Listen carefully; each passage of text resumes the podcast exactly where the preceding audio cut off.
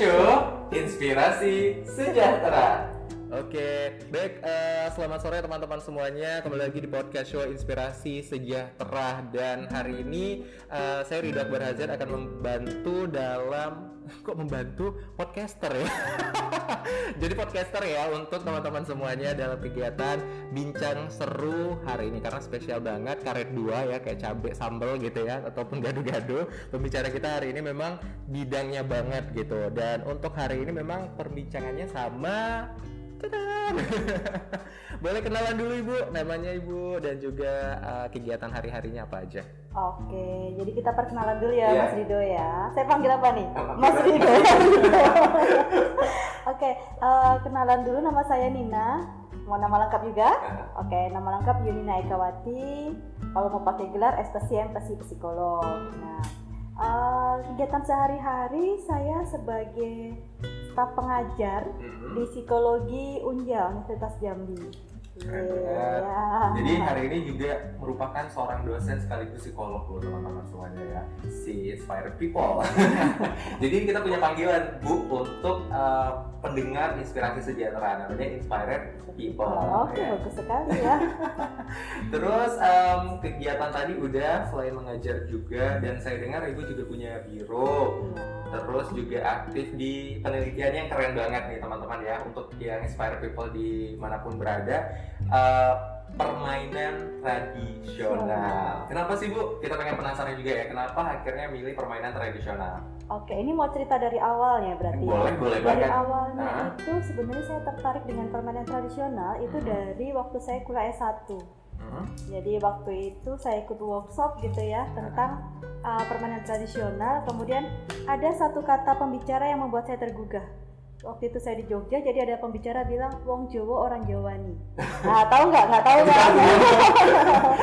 orang Jawa tapi sudah hilang jiwa Jawanya. gitu. Oke. Akhirnya uh, saya tertarik oh ya kenapa ya kita nggak tidak memakai tradisi tradisi daerah gitu Mhm. untuk mengembangkan sebuah uh, tradisi daerah tetap bisa dipakai untuk mengembangkan stimulasi-stimulasi psikologis. hmm. Akhirnya saya dan calon suami saya waktu itu Ah, uh, membuat proposal tentang uh, bagaimana permainan tradisional untuk meningkatkan stimulasi kecerdasan intrapersonal anak. Nah, akhirnya alhamdulillah lolos PKM Wih, lolos Jadi- PKL kan kualitas mahasiswa Ah. gitu kan tapi sayangnya tidak sampai ke PIMNAS hanya sebagai didanai saja oleh PKM gitu ah, akhirnya setelah itu eh, saya gunakan juga untuk skripsi dan ketika saya lulus S2 saya mau menggunakan itu sepertinya susah gitu ya karena eh, tidak memungkinkan akhirnya ketika saya bekerja saya mencoba lagi untuk mengembangkan itu permainan Oh. tradisional yang bedanya adalah permainan tradisional Jambi untuk saat ini Iya, gitu karena udah jadi orang, Orang Jambi. Jambi, iya. Sebelumnya, makanya tadi ada bahasa peribahasanya apa bu? Tadi saya lupa. Wong Jawa orang Jawa nih Eh. ya bisa nggak coba Wong Jawa orang Jawa nih, bener ya, bener ya, Wong Jawa orang Jawa nih. Karena memang eh, udah lama di Jambi sekarang, kebetulan juga mantan pacarnya orang Jambi ya. iya Karena jadi suami. Karena udah jadi suami, jadi eh, mantan pacar ya. Memang benar banget ya untuk inspire people di mana pun. Kalau misalnya permainan tradisional, mungkin sekarang udah cukup mulai surut lagi ya. Apalagi udah pandemi juga ya bu ya. Mungkin interaksi di luar cukup sulit. Ya, tapi Bang Rido sebenarnya eh, saat ini pemerintah kita sudah mulai melirik loh Oh, penggunaan ah. permainan tradisional Hmm. gitu. Jadi beberapa sekolah pun sudah mulai menggunakan itu digunakan untuk permainan dan stimulasi di sekolahan. Oke, Sudah jadi mulai banyak. udah banyak ya berarti ya, Iya, ya? salah Ah. satunya mitra kita ya, Ah. Anahel. oh, salah satu sekolah TK, di ya. Jambi. ah. Anahel sudah menggunakan itu untuk Hmm. media eh, stimulasi untuk kecerdasan anak. Oke, berarti memang sebenarnya banyak sekali loh manfaatnya Inspire People untuk si permainan tradisional ini sendiri. Karena apa? Manfaatnya eh, mengasah kemampuan eh, sosial emosional. Kemudian juga tadi ada kognitifnya juga ya, Bu ya, ada Kognitif kognitifnya juga. kemudian- Terus apa lagi, Bu? Eh, kognitif, kemudian visual spasial, Ah, kecerdasan visual berbahasa, Oke, banyak hal bahkan untuk speech delay mungkin bisa digunakan untuk stimulasi. speech delay, ya, memang ini cukup Ya, banyak ya. ya. kayaknya nanti perlu nih podcastnya inspirasi keluarga sejahtera Ah. suatu saat membahas tentang permainan tradisional satu segmen sendiri Iya, gitu boleh ya. Bu, boleh. Nanti kita bakalan bahas memang khusus untuk permainan tradisional dan juga uh, dampaknya untuk kecerdasan sosial emosional dan juga uh, dampaknya psikologis yang menguntungkan ya, Bu, yang Iya. positif. Nah benar banget. Jadi kalau misalnya ditanya memang uh, beliau latar belakangnya sangat luar biasa, permainan tradisional juga, terus juga seorang dosen dan kepala prodi sebenarnya adalah kepala prodi saya. dan bapaknya atau suaminya ibu ini juga wakil dekannya saya. Mohon izin ya bapak ya.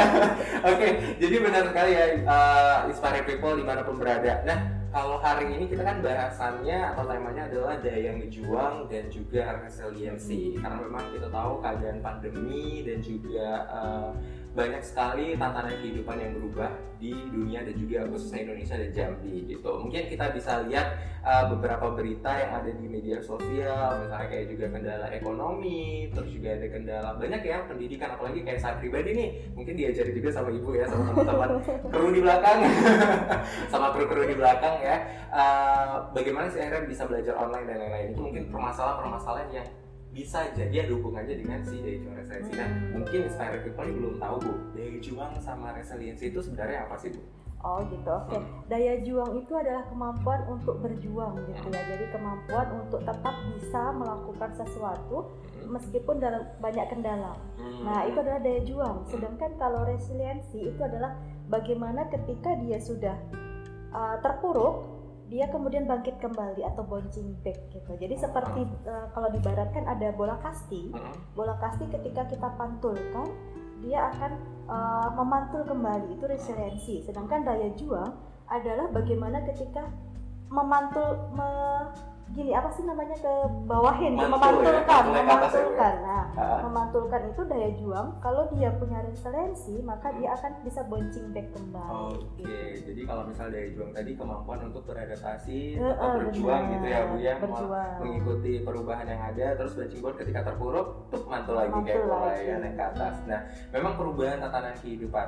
Kalau dari aspeknya aja tuh kemarin ada kayak ekonomi, terus juga di provinsi Jambi sendiri, mungkin uh, kita sering lihat juga inspire people ya. Kalau di jalan-jalan udah banyak juga nih orang akhirnya berjuang untuk menafkahi keluarga, terus juga akhirnya dan lain-lain. Nah, tatanan-tatanan kehidupan ini sebenarnya bagaimana bu? Dampaknya ataupun ada kaitannya nggak dengan eh, resiliensi seseorang? Misalnya tadi kan em, punya daya juang nih dia tahu nih kalau misalnya aku nggak kerja aku nggak makan gitu atau apa gitu. Itu gimana bu? Dari sisi psikologisnya sendiri bu Iya, eh, apalagi kita lihat dulu dari keadaan yang dulunya normal, Mm-mm. kemudian kita eh, tiba-tiba diinstruksikan untuk PSBB ya, Hmm, yang dari dulunya eh, bekerja dengan normal, kemudian semua WFH bekerja dari rumah gitu, termasuk sekolah menjadi PJJ ya pembelajaran jarak jauh, pasti akan terjadi perubahan-perubahan. hmm, Nah, kemudian ketika terjadi perubahan-perubahan itu, uh, seseorang harus melakukan banyak hal seperti yang paling utama adalah adaptasi. oh iya benar. Nah, tadi Bang Rido sudah menyinggung tentang Ah. adaptasi Ah. gitu. Ya, untuk me- uh, bilang ten- tentang daya juang dan resiliensi itu kunci utamanya adalah adaptasi. Hmm, Bagaimana bisa beradaptasi dengan lingkungan. Hmm. Nah, ada orang yang bisa, tapi ada orang yang mengalami kecemasan gitu ya. ah, ah, Kenapa bisa terjadi kecemasan? Karena eh, gimana ya, sesuatu yang eh, awalnya normal tiba-tiba dia berubah gitu. Jadi wajar ketika orang mengalami kepanikan-kepanikan.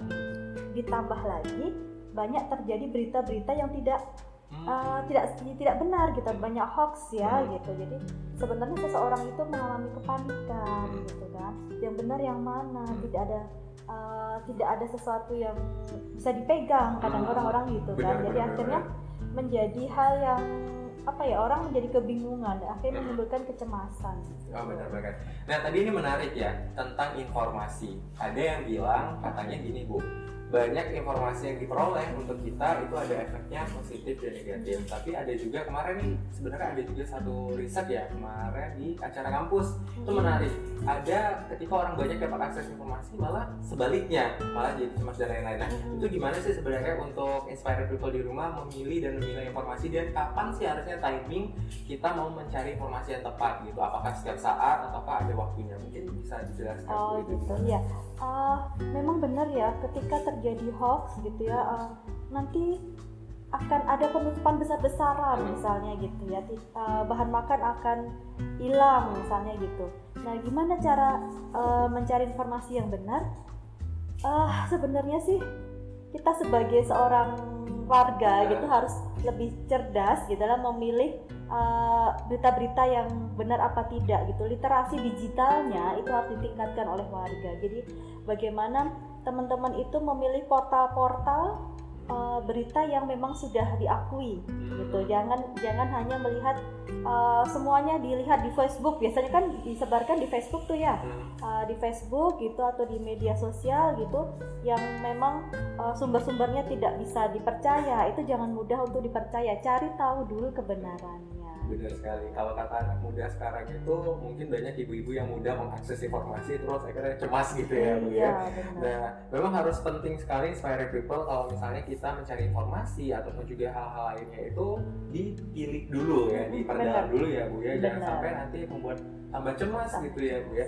Nah, biasanya faktor mempengaruhi seseorang kan kadang semua orang dapat nih Bu eh, apa pada penasaran kan pasti semua orang dapat informasi yang sama kok beda ya gitu cara menangkapnya itu kenapa sih sebenarnya Bu?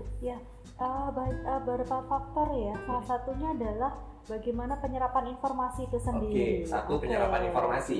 ya penyerapan penyerapan informasi Informasi. oleh seseorang itu gitu bagaimana dia uh, menilai sebuah informasi Mhm. gitu ada orang yang langsung saja ada informasi langsung diterima mentah-mentah Mhm. gitu kan jadi kalau uh, di Pavlov itu ingat ya stimulus gitu ada stimulus gitu langsung diambil gitu Heeh. tidak tanpa diolah gitu Heeh. kan nah uh, jadi uh, bagaimana informasi itu diterima kemudian diolah dulu kemudian baru dicerna kemudian baru bertindak itulah yang benar kan Hmm. tapi banyak orang yang ketika mendapatkan informasi langsung mentah-mentah diterimanya gitu ya Hmm. itu uh, salah satunya penyerapan informasi kemudian juga uh, lingkungan mungkin ya yang begitu banyak informasi-informasi yang akhirnya dia ikut-ikutan faktor ikut-ikutan dari Ah, temannya gitu kan Benar-benar sekali Bu. Jadi informasi ya. Jadi buat inspire people kalau sering memakan omongan cowok ataupun cewek ya, digantung ya itu tolong informasi diserap bagus-bagus ya Bu.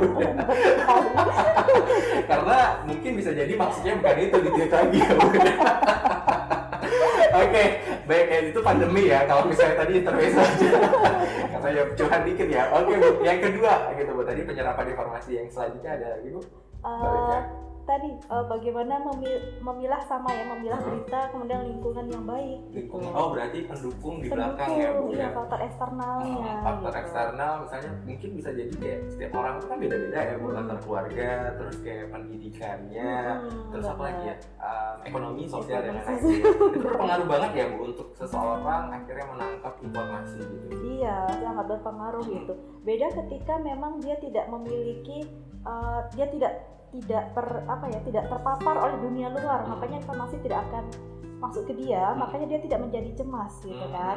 Kemudian dia, oh temen aku kayak gini, jadi menjadi ikut-ikutan juga gitu. Hmm. Temen aku pada balik semua nih ke kampung, Ah. aku akhirnya juga ikutan ah, Iya. misalnya gitu. Oke, berarti lihat lingkungan juga ya bu ya? Lingkungan. Tadi kan ada satu nih, gimana bagusnya mengakses informasi. Apakah kita harus setiap saat mengakses informasi yang bersangkutan, misalnya kayak perkembangan COVID, atau sebenarnya ada tips dari ibu sendiri, gimana biasanya me- ini mungkin bisa jadi inspire people yang lagi dengerin juga bisa meniru, oh jam apa atau kapan gitu, atau Oh, tidak setiap oke. saat. Biasanya seperti apa tuh?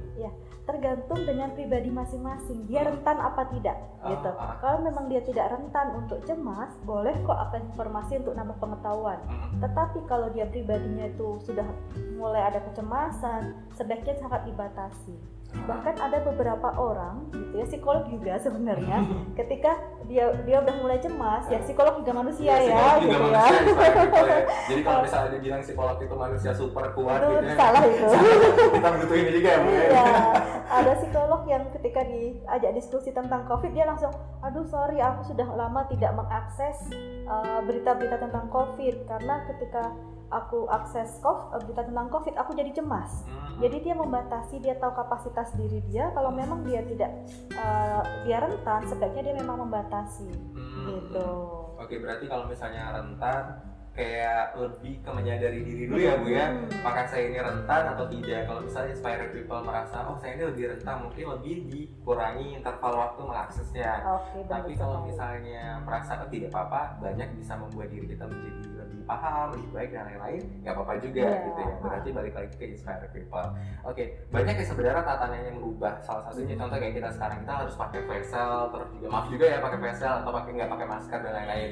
Nah itu memang yang akhirnya menuntut kita untuk membuat perubahan perilaku perilaku baru ya bu ya nah kalau misalnya pola perilaku lain yang muncul selain dengan penggunaan ini secara psikisnya atau secara psikologis itu bagaimana bu? Maksudnya gimana tuh? misalnya uh, kalau biasanya kan perilaku nih akhirnya Hmm. gunakan masker terus gunakan ini gunakan ini gunakan ini. Nah ada nggak perubahan secara uh, si psikologisnya sendiri? Baik itu secara negatif ataupun positif berhubungan dengan pandemi ini tatanan perilakunya yang kelihatan. Sebenarnya perilaku juga psikologis ya bu ya. Karena dari dalam gitu tapi mungkin yang lebih um, di luar dari penggunaan gitu apakah yang akhirnya banyak berubah gitu dari ya. terbaru gitu Maksudnya Pak, psikologisnya yang berubah ketika terjadi pandemi gitu ya? Eh, ada beberapa beberapa hal gitu. Kadang ada orang yang menjadi mudah cemas. Gitu Hmm. karena dengar covid gitu aja dia udah udah menjadi cemas gitu ya Hmm. akhirnya yang dulunya dia bukan pribadi yang bukan pencemas Hmm. akhirnya menjadi pribadi yang pencemas Hmm. gitu ya karena itu kan ada faktor pembiasaan pembiasaan gitu yang lama-lama dia akan menjadi sebuah eh, eh, lama-lama jadi kepribadian juga kan Nah, gitu jadi akhirnya dia yang dulunya tidak pencemas sekarang dengan berita dikit aja dia jadi cemas misalnya Ah. gitu kemudian ada lagi perubahan-perubahan eh, bagaimana orang tua ya orang tua Hmm. dengan anaknya Nah, misalnya nah, Nah, menarik nih, menarik banget bu sebenarnya karena memang uh, polanya sekarang kan berubah banget tuh bu. berubah Kalau dulu mungkin sekolah dari jam eh karena sekarang apa ya? Programnya apa ya kru di belakang KTSP atau apa nih? Oh K13 ya, makasih kru. Jadi K13 ya. Nah mungkin dari pagi sampai malam atau sampai sore tuh akhirnya di sekolah banget gitu kan bu, nggak ketemu sama ibunya jarang atau orang tuanya jarang. Nah kalau sekarang ini kan ketemu banget tuh, Iya. harus kumpul harus ini. Itu gimana tuh? Nah itu perubahan juga kan jadi orang tua eh, kemarin ada berita menarik ya yang anak sampai bunuh diri ya kan kemudian orang tuanya akhirnya bunuh anaknya gitu. Karena eh, kesulitan ketika PJJ itu kan perubahan perilaku juga ya perubahan secara psikologisnya. Orang tua menjadi lebih marah gampang marah kayak gitu. Jangankan mungkin orang-orang di luar sana saja yang sudah tahu paham gitu saya juga sering jadi marah gitu kan. Ah, akhirnya saya menyikapi bahwa setiap hari saya harus self care nih. Saya harus setiap pagi harus relaksasi nih biar saya nggak marah dengan anak saya. Kemudian uh, mungkin akan lebih susah gitu. Akhirnya saya putuskan kalau dampingi saya saya dampingin anak saya saya emosi nih. Hmm. saya nggak bisa nih akhirnya saya minta bantuan ke orang lain gitu ya. Jadi ada beberapa tanda-tanda tatanan yang menjadi perubahan. Uh, hubungan orang tua dan anak jadi lebih bersih tegang gitu kan. Iya, karena masalah belajar suruh belajar nggak mau gitu ya. Ada yang orang tua akhirnya ya udahlah terserahlah lantaklah eh, nakku nak dikerjain tidak nak, di, nak dikerjain juga tidak terserah lah. Yang kayak gitu kan ya. itu itu eh, orang tua dengan anak kemudian dengan teman perilakunya yang berubah berubah ya. Teman-teman ketika eh, dulunya sering jalan-jalan bareng gitu ya Iya, sekarang hangout, seru-seruan Uh, gitu. ya meskipun sekarang udah banyak orang yang mulai hand out ya. Dari tapi uh, pola pola cara komunikasinya berubah. Yang dulunya sering yaudah kalau ketemu kita ngobrol langsung lah lebih enak. Sekarang mau nggak mau pakai WA kalau ketemu juga sangat dibatasin gitu ya. Itu kan menjadi uh, sesuatu yang berbeda yang berubah gitu. Mungkin akan menjadi uh, ada orang yang cocok dengan menggunakan komunikasi lewat WA atau dengan digi apa dengan online gitu dia akan semakin lekat dengan temannya itu.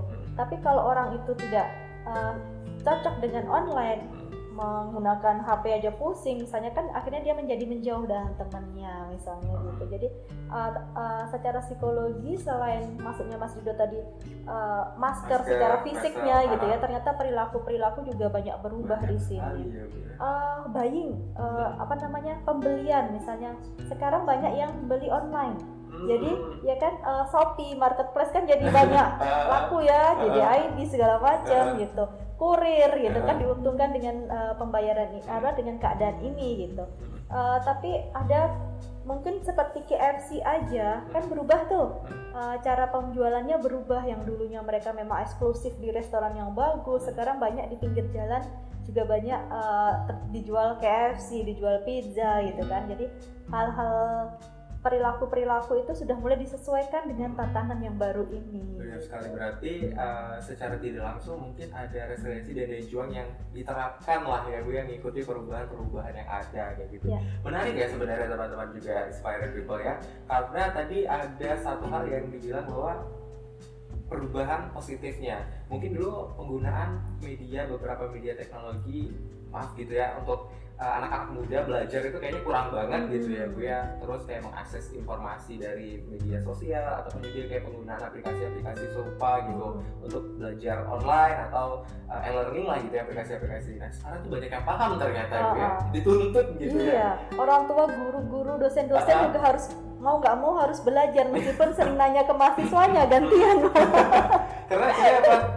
Benar banget bu. Karena akhirnya apa? Orang tua yang dulunya mungkin tidak terlalu uh, apa ya istilahnya melek sama teknologi mungkin ya karena berbeda banget ya kaum milenial sama old people gitu ya bu ya. Ataupun orang-orang yang uh, lahirnya di bawah zaman tersebut. Memang terpaksa atau akhirnya dipaksa untuk belajar iya. mendampingi si anaknya uh, terus melihat tugas anaknya terus lebih kayak mungkin posisi positifnya ada waktu yang lebih banyak sama untuk anak ya, sama ya. anak juga meskipun kadang-kadang terjadi perselisihan tapi kan uh, akhirnya perselisihan-perselisihan itu ketika bisa diselesaikan hmm. gitu akhirnya menjadi lebih lekat sebenarnya ya, gitu.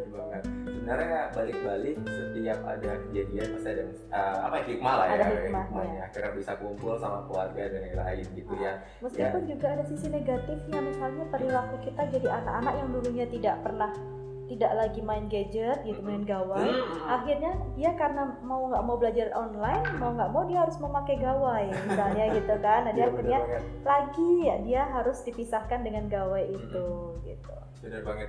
Jadi uh, istilahnya kemarin sih sebenarnya ada diskusi kecil gitu sih bu sama teman-teman juga kan.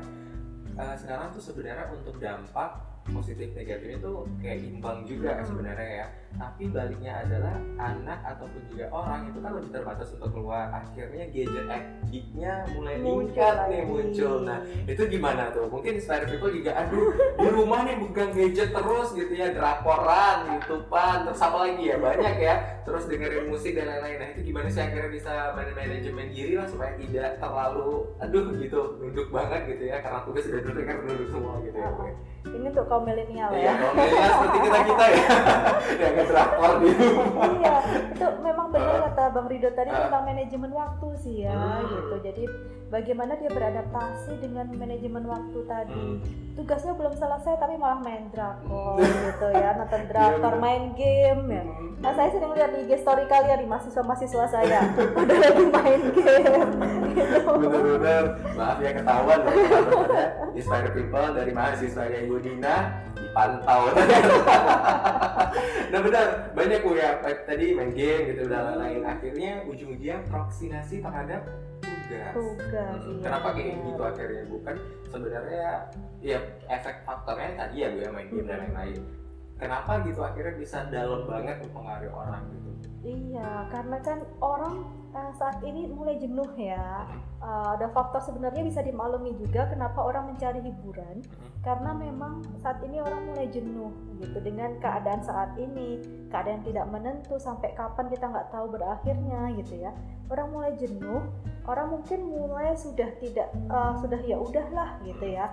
Udah uh, kecemasan itu sebenarnya masih banyak sih tapi ada beberapa orang yang ya sudahlah uh, lantak lah mungkin malah iya. kayak gitu udah acuh nggak acuh gitu. Uh, akhirnya karena udah mulai kejenuhan dia butuh hiburan kan. Hmm jadi wajar ketika dia mencari hiburan misalnya main game, drakor, novel gitu ya, media sosial gitu. Sebenarnya sangat wajar. Uh, tapi balik lagi ke manajemen diri, manajemen waktu gitu ya. Untuk teman-teman mahasiswa, kenapa terjadi prokrastinasi?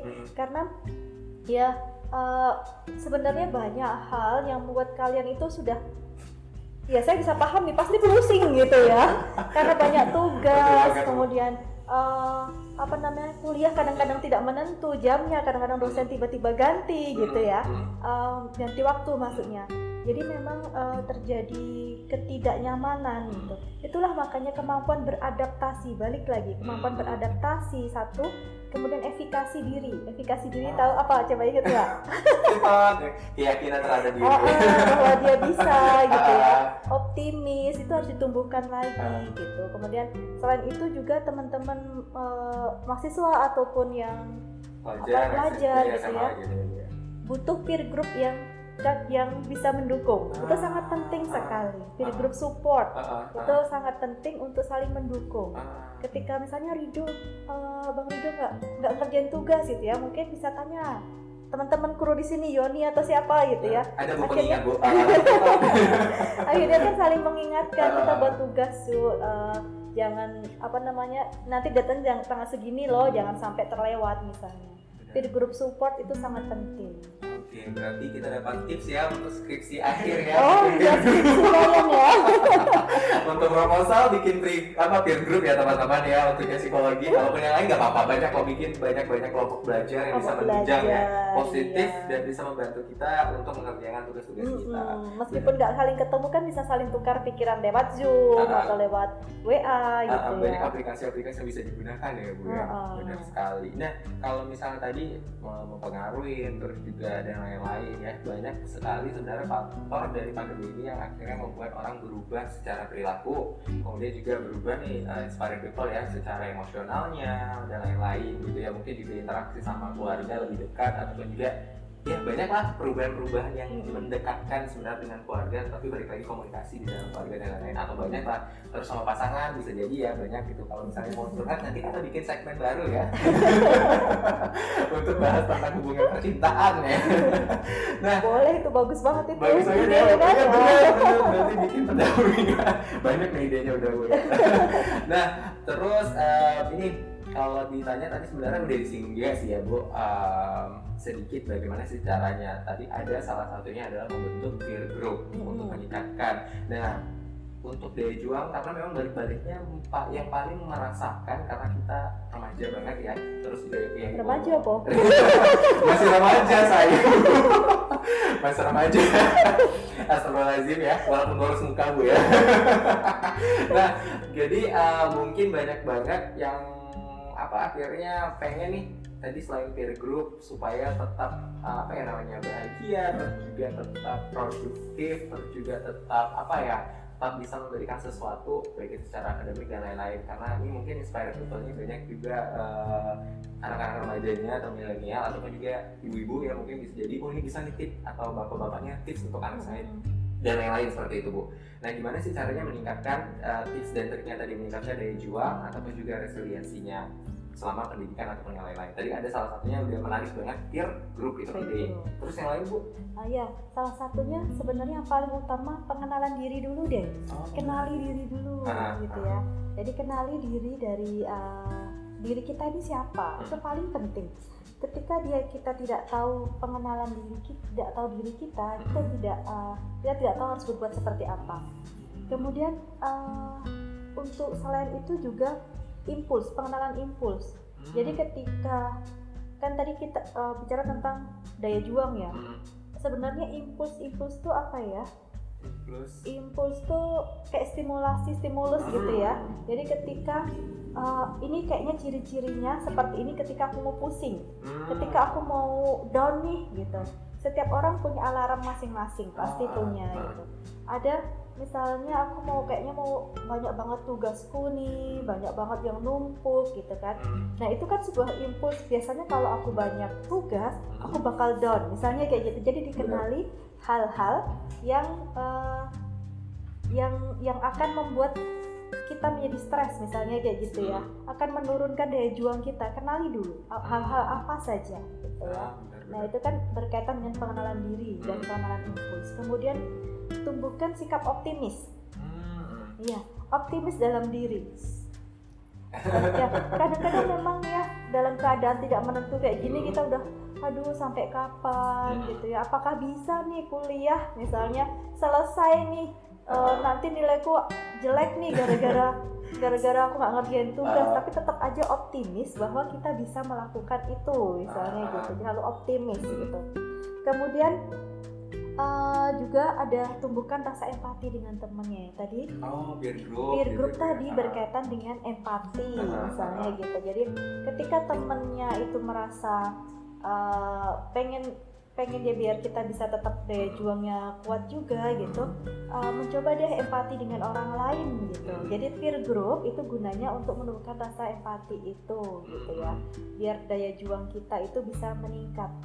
Ya salah satunya kemudian tadi yang saya bilang efikasi diri Verifikasi keyakinan diri. Keyakinan diri. Alhamdulillah diuji.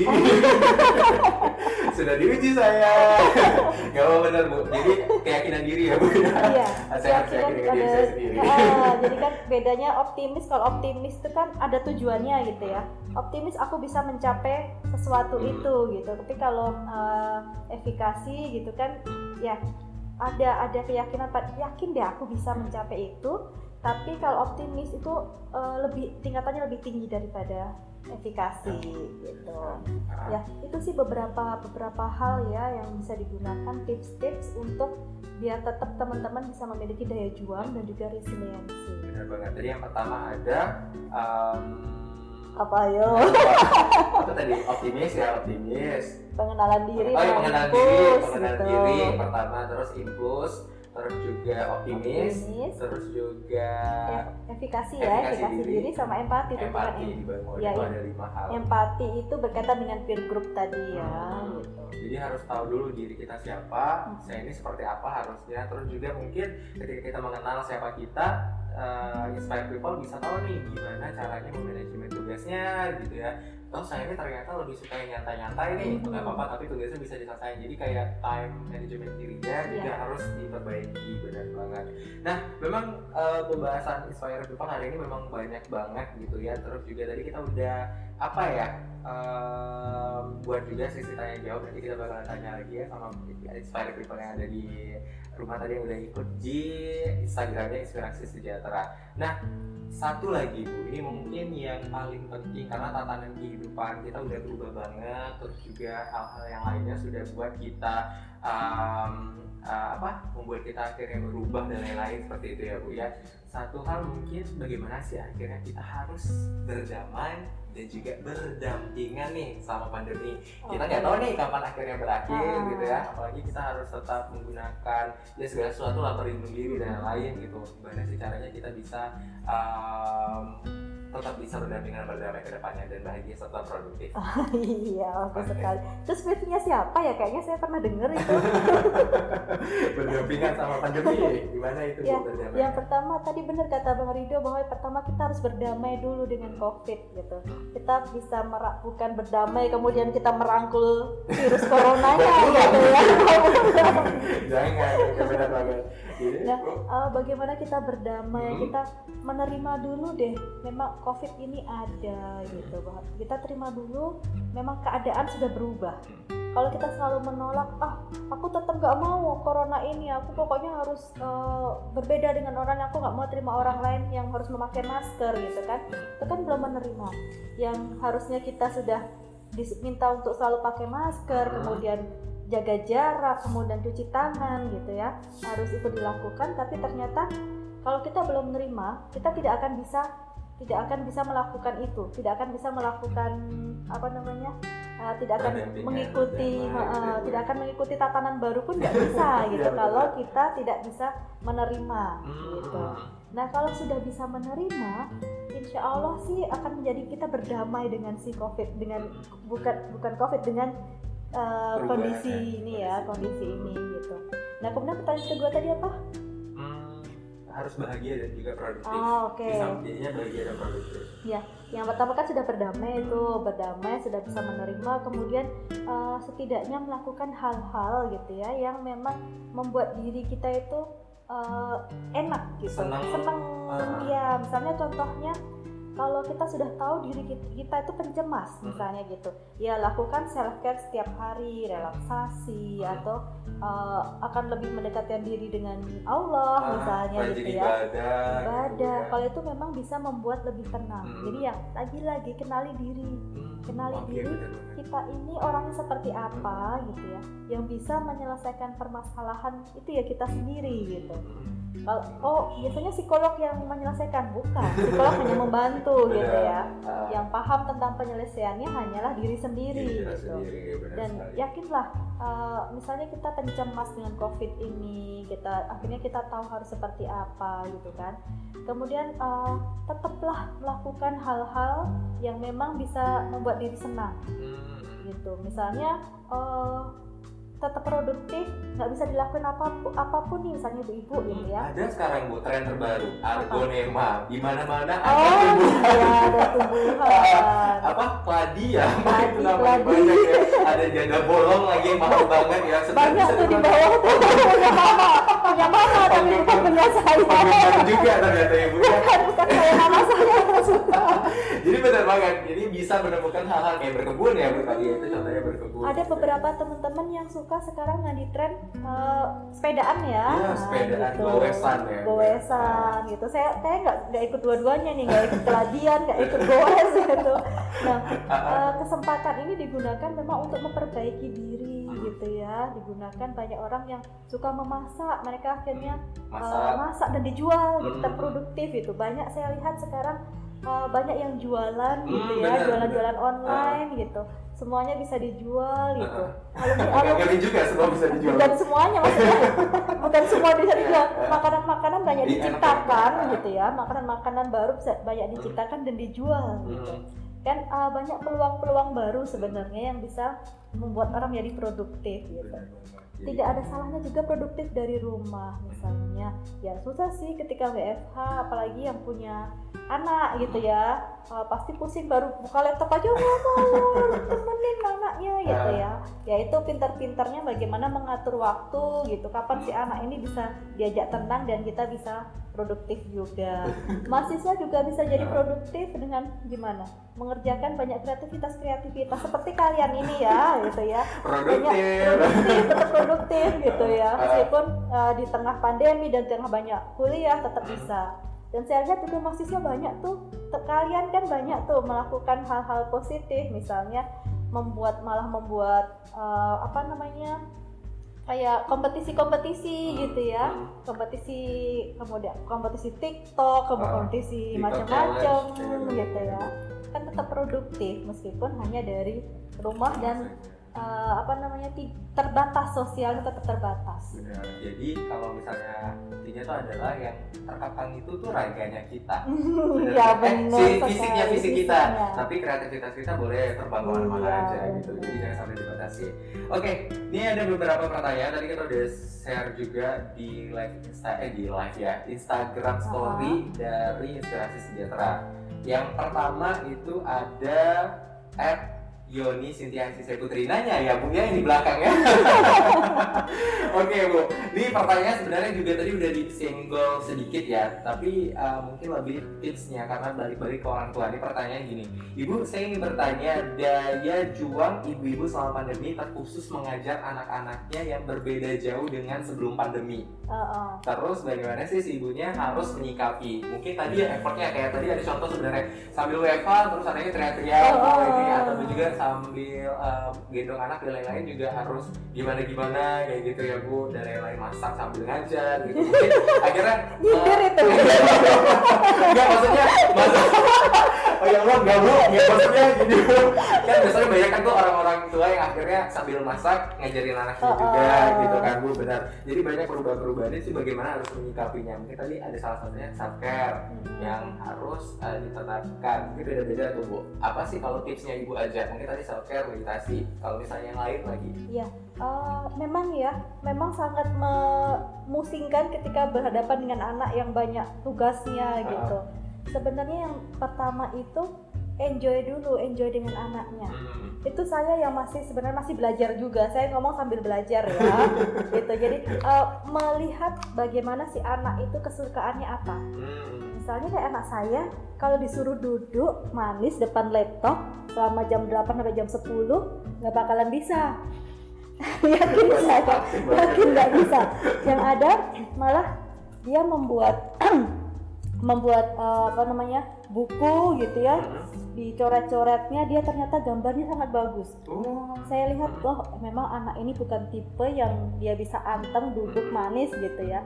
Ya udahlah saya akhirnya terserah yang penting kamu enjoy Mm-mm. gitu. Meskipun hmm, marah juga gitu ya. Kalau sudah kayak gitu saya mendampingi anak akhirnya saya mendingan ke kamar gitu. Ke kamar menenangkan diri. Kalau udah tenang saya keluar lagi. Akhirnya yuk kita belajar bareng Oh, gitu, gitu. ah. ya jadi memang harus memahami kondisi anaknya juga sih. Orang tua tidak bisa memaksakan. Kalau saya sekarang malah minta bantuan. Karena saya sudah merasa oh anak saya kalau belajar dengan saya pasti dia akan nggak bisa saya paham banget sih? Ah, anak setiap anak kayaknya Hmm. kalau yang ngajarin orang tuanya dia pasti ngeyel. Benar. pasti ngeyel. Hmm. Eh, contohnya aja deh. Eh, kemarin diajarin bu guru kayak gini. Misalnya kita bilang satu tambah satu sama dengan dua. Bukan bu guru nggak bilang kayak gitu. Sering banget ya gitu kan akhirnya ketika gurunya pas ngajar bilang satu tambah satu berapa nak? Dua. Ah, bener kan yang bunda bilang? Enggak bu guru nggak bilang gitu. Masih kayak gitu. Ah. sering sering banget seperti itu. Jadi memang ada kecenderungan anak-anak itu lebih tidak mau mendengarkan orang tuanya dibandingkan orang lain. Itu sudah sudah menjadi apa ya sudah menjadi sesuatu yang pasti gitu. Benar. Bu. jadi Ah. memang kalau memang sudah nggak bisa butuh bantuan ya cari bantuan aja. Oke. Gitu. jangan malah membuat relasi orang tua dan anak menjadi Renggang. merenggang marah-marahan terus Hmm. gitu versi tegang gitu ya. Eh, itu nggak apa-apa kok misalnya gurunya gurunya atau siapa gitu ya. Banyak orang tua sekarang ini yang saya lihat Mm-mm. ponakan teman saya gitu ya ada yang "Eh, gimana sekolahnya? Ah sekolahnya itu memang dia nggak pernah sekolah gitu kan. Akhirnya akhirnya ya udah dia les privat aja sama gurunya. Bawa gurunya ke rumah ya. bawa gurunya ke rumah gitu kan ya.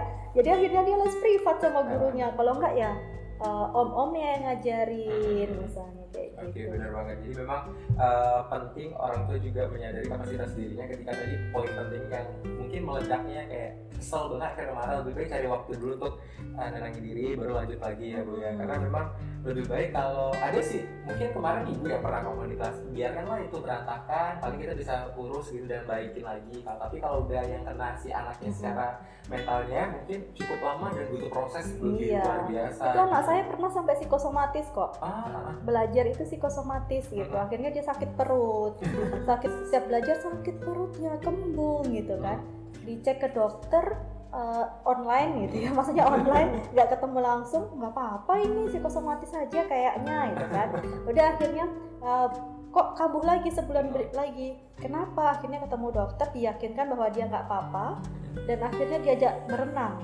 Tapi berenang yang memang bukan di tempat umum ya berenang di rumah salah satu temennya gitu jadi akhirnya dia sampai sekarang nggak sakit-sakit lagi Oke, berarti Gitu, jadi- cari waktu ya. Iya ya. memang tidak hanya orang tuanya yang stres jadi aja anaknya juga kok Hmm, yang itu yang perlu dipahami anaknya juga sama-sama ya bu ya. sama Ah. karena ini ada sesuatu yang baru balik lagi bagaimana beradaptasi Iya. ada anak yang adaptasinya cepat ada anak yang memang nggak mau adaptasi Oh, Oke, berarti pengen yang kayak lama aja nggak mau berubah gitu ya. Heeh. Kekeh gitu kayak tadi ya Iya. bu ya. Oke, memang kita harus sadar dulu siapa diri, eh, menyadari siapa kita, terus juga karakter dari si anaknya juga gitu ya. Baik, yang terakhir nih pertanyaan juga dari Neno DR. Ini tadi sebenarnya kita udah bahas nih sepertinya Bu tentang siswa yang. Jadi bagaimana seharusnya pihak instansi pendidikan melihat kesejahteraan siswa karena berita terbaru ada siswa yang bunuh diri karena itu biasanya banyak banget gitu atau uh, memang full gitu terima kasih katanya Iya. ini eh, ya ini yang tadi saya bilang Ah. nggak cuma orang tuanya yang stres anaknya juga stres ah. gitu sesuatu itu yang berbeda Bah, yang dulunya dia bisa bertemu dengan kawannya sekarang dia ketemu temennya cuma lewat layar gitu ya. Ah, lewat layar layar sekecil itu lagi kan. Um, jadi memang membuat anak itu menjadi tidak nyaman. Hmm. nah tadi kebijakan pemerintah ya.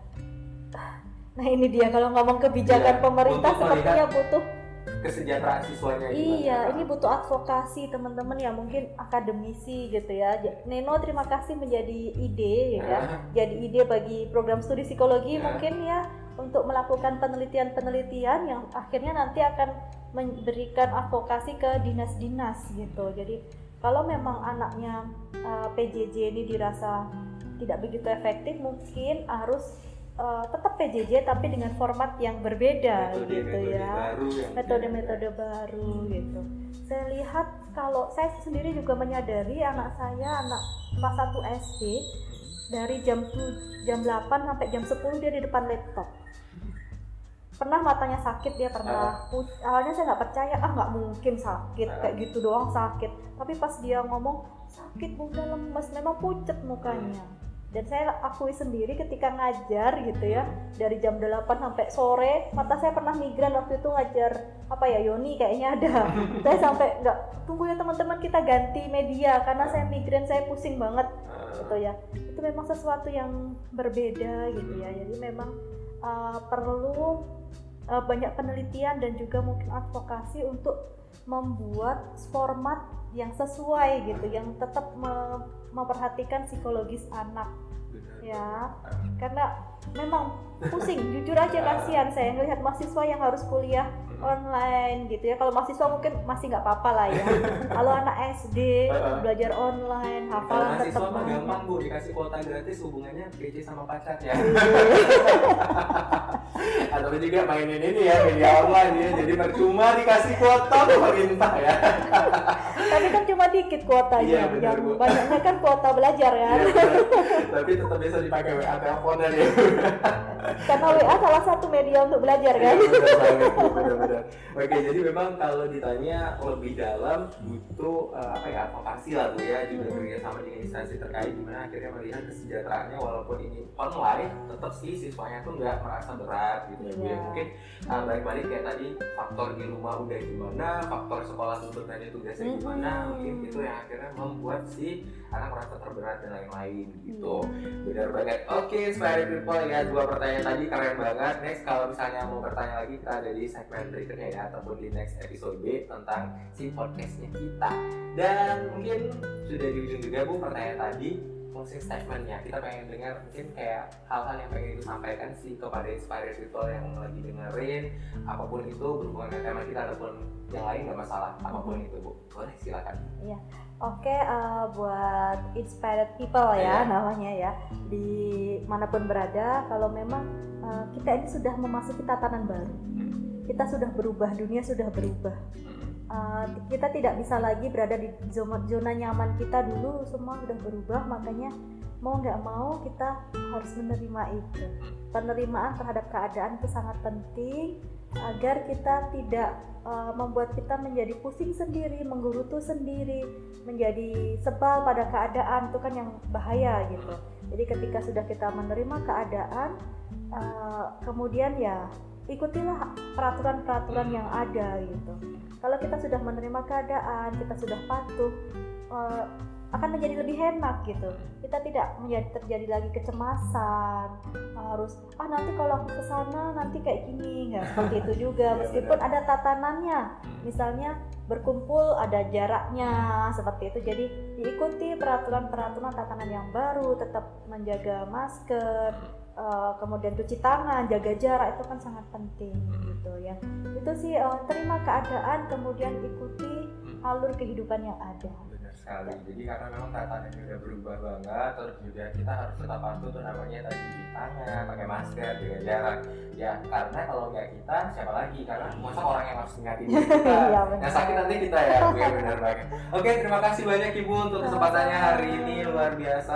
Next time mungkin kita bakal ngobrol lagi dan juga bagi satu episode yang memang membahas tentang permainan tradisional ya. Mungkin ataupun juga uh, permainan-permainan lainnya. Dan tadi juga dari awal kita udah tahu ya bahwa perubahan-perubahan ataupun juga hal-hal yang akhirnya membuat kita mengubah prinsip dan pandangan hidup gitu ya bahwa sekarang oke kita harus sadar dan harus berdamai dan juga membuat itu tidak menghalangi kita untuk produktif. Iya, balik-balik benar. yang dikekang itu ya fisiknya kita tapi pikiran kita dan kreativitas jangan sampai gitu. Oke terima kasih sekali banyak ibu. Dan thank you juga buat kalian inspired people yang lagi dengerin untuk uh, podcastnya kita juga. Nanti bu- bisa kita di next episode bakal bahas banyak hal lagi yang menarik. Baik itu berhubungan dengan isu-isu terhangat dan juga hal-hal yang berhubungan dengan psikologi atau kesehatan yang mungkin bisa jadi tuan salah satu yang kamu tunggu-tunggu. Terima kasih sekali lagi aku Rira Feraza dan Ibu Yunina Kawati. Yunina Kawati. Sampai jumpa di podcast berikutnya. Dadah.